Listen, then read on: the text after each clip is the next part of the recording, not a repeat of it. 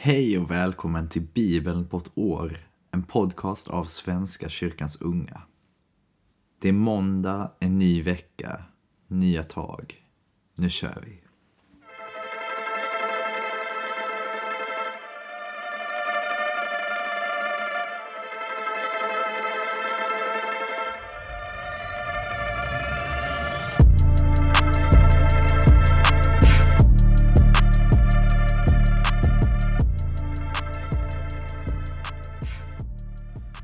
Vi ber. Tack Gud för denna dag. Tack för en ny vecka. Tack för en ny måndag. Tack Gud för att vi än en dag får vakna upp. Tack för att du är med i varje andetag vi tar Gud. Tack för att du är med i varje tugga mat vi äter. Tack för att du är med i varje droppe vatten vi dricker. Tack Gud för att du går med oss och bär oss och leder oss. Var med i dagens läsning, var med i veckans läsning. I Jesu namn, Amen. Vi börjar i Andra Mosebok kapitel 37, vers 1 till kapitel 38, vers 31. Besalel gjorde arken av akacieträ, två och en halv aln lång, en och en halv aln bred och en och en halv aln hög. Han belade den med rent guld både invändigt och utvändigt och omgav den med en guldkant. Han göt fyra ringar av guld och fäste dem vid de fyra fötterna på arken. Två ringar på ena sidan och två på den andra. Sedan gjorde han bärstängerna av akacieträ och belade dem med guld och sköt in dem i ringarna på arkens sidor så att man kunde bära arken. Han gjorde ett lock av rent guld, två och en halv aln långt och en och en halv aln brett. Han gjorde också två keruber av hamrat guld, en vid varje ända av locket. En kerub vid den ena änden och en vid den andra. Han gjorde keruberna i ett stycke med locket. Keruberna höll vingarna lyftade och utbredda så att de skylde locket. De var vända mot varandra med ansiktet ner mot locket. Han gjorde vidare ett bord av akacieträ, två alnar långt, en aln brett och en och en halv aln högt och belade det med rent guld. Och runt omkring det fäste han en guldkant. Han gjorde en handsbred list runt omkring det och en guldkant på listen. Han göt fyra ringar av guld och fäste dem i de fyra hörnen vid de fyra benen. Intill listen sattes ringarna som hållare för bärstänger så att man kunde bära bordet. Han gjorde bärstängerna av akacieträ och belade dem med guld. Så kunde man bära bordet. Han gjorde kärlen som skulle stå på bordet, fat och skålar, bägare och kannor för dryckesoffren, alla av rent guld. Han gjorde lampstället av rent guld, det gjordes i hamrat arbete, både foten och stammen. Skålarna, kulorna och blommorna gjordes i ett stycke med lampstället. Det hade sex armar, tre på den ena sidan och tre på den andra. På den första armen sattes tre skålar med kulor och blommor och likaså på den andra. Det gjordes likadant på alla sex armarna som gick ut från lampstället. Skålarna var formade som blommor på ett mandelträd. På själva lampstället var det fyra skålar med kulor och blommor och skålarna var som mandelträdsblommor. Under vart och ett av de tre paren armar som gick ut från lampstället sattes en kula, gjord i ett stycke med detta, under de sex armarna som gick ut från lampstället. Kulorna och armarna var i ett stycke med lampstället, allt sammans ett enda hamrat stycke rent guld. Han gjorde de sju lamporna och de tänger och brickor som hörde till av rent guld. Lampstället med alla dess tillbehör gjorde han av en talent guld. Han byggde rökelsealtaret av akacieträ. Det var fyrkantigt, en aln långt och en aln brett och två alnar högt. Hornen var i ett stycke med altaret. Han belade det med rent guld ovanpå och på sidorna och på hornen och omgav det med en guldkant. Han gjorde två ringar av guld och satte dem nedanför kanten på två av sidorna, på bägge gavlarna. De tjänade som hållare för bärstänger, så att man kunde bära altaret. Bärstängerna gjorde han av akacieträ och belade med guld. Och han gjorde den heliga smörjelseoljan och den rena välluktande rökelsen, konstfärdigt blandad.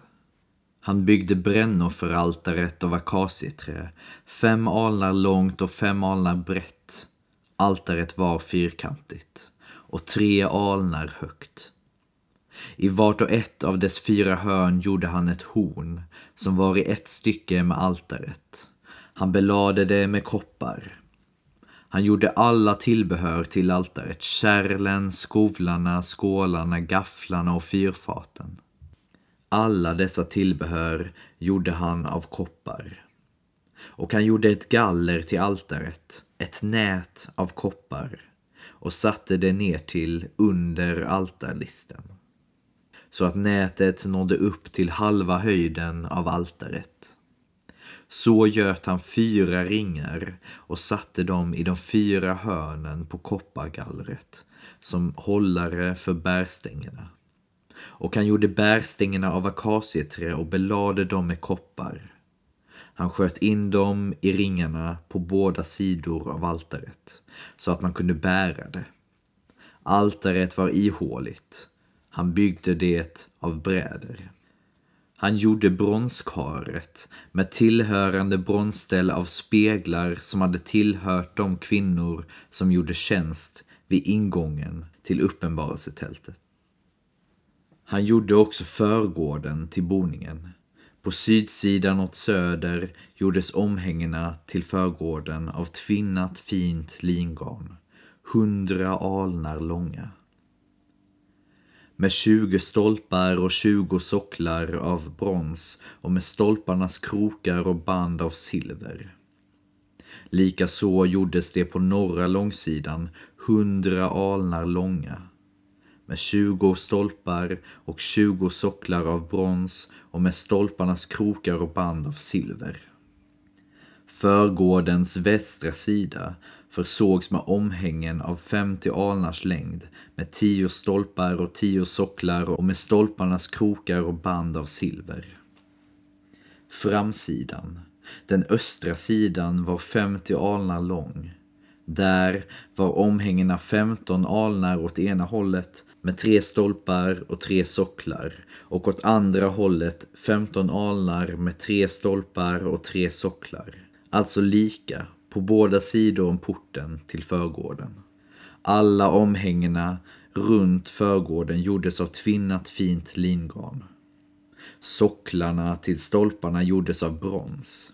Stolparnas krokar och band var av silver och stolphuvudena belades med silver. Alla stolpar till förgården hade band av silver. Draperiet för porten till förgården gjordes i brokig väv av violett, purpurrött och karmosinrött garn och tvinnat fint lingarn. Tjugo alnar långt och fem alnar högt efter tygets bredd, liksom förgårdens omhängen. Till det gjordes fyra stolpar med fyra socklar av brons. Deras krokar och band var av silver och stolphuvudena belades med silver. Alla tältpluggarna till boningen och till förgården runt omkring den gjordes av koppar. Följande är en redovisning av hur mycket som används till boningen, till boningen för förbundstecknet. Den sammanställdes på Moses befallning av leviterna under ledning av Itamar, prästen Arons son. Besalel, son till Uri, son till Hur av judastam, hade utfört allt det som Herren befallt Mose. Till medhjälpare hade han haft Oholiav, Achisamaks son, av Dans stam, som var kunnig i hantverk och konstvävnad och i konsten att väva brokig väv av violett, purpurrött och karmosinrött garn och fint lingarn. Allt det guld som använts till arbetet med uppförandet av helgedomen, det som hade getts som offergåva, utgjorde 29 talenter och 730 siklar efter tempelvikt. Det silver som erlades av menigheten vid mönstringen uppgick till 100 talenter och 1775 siklar efter tempelvikt. En beka per person. Alltså en halv sikel efter tempelvikt för alla som upptagits bland de mönstrade. Från 20 års ålder och uppåt. Sammanlagt 603 550 man. De hundra talenterna silver användes för att gjuta socklarna till helgedomen och förhänget. Hundra talenter för hundra socklar, en talent för varje sockel. Och de återstående 1775 siklarna användes till stolparnas krokar, som beläggning av stolphuvudena och för att förbinda dem. Koppan som hade getts som offergåva uppgick till 70 talenter och 2400 siklar. Av den gjorde man socklarna till uppenbarelsetältets ingång och kopparaltaret med dess galler av koppar och alla tillbehör till altaret. Socklarna runt förgården, socklarna till förgårdens port och alla tältpluggarna till boningen runt förgården. Det var spännande att få höra hur de byggde det. Hur de verkligen beskriver allting. Och spännande att få se hur mycket som faktiskt användes. Vi fortsätter i Matteus evangeliet kapitel 28, vers 1-20. Efter sabbaten i gryningen den första veckodagen kom Maria från Magdala och den andra Maria för att se på graven. Då blev det ett kraftigt jordskalv, ty Herrens ängel steg ner från himlen och kom och rullade undan stenen och satte sig på den. Hans utseende var som blixten och hans kläder vita som snö. Vakterna skakade av skräck för honom och blev liggande som döda. Men ängeln sade till kvinnorna, var inte rädda. Jag vet att ni söker efter Jesus som blev korsfäst. Han är inte här. Han har uppstått, så som han sade. Kom och se var han låg. Skynda er sedan till hans lärjungar och säg till dem han har uppstått från de döda. Och nu går han före er till Galileen. Där ska ni få se honom. Nu har jag sagt er detta. De lämnade genast graven och fyllda av bävan och glädje sprang de för att berätta det för hans lärjungar.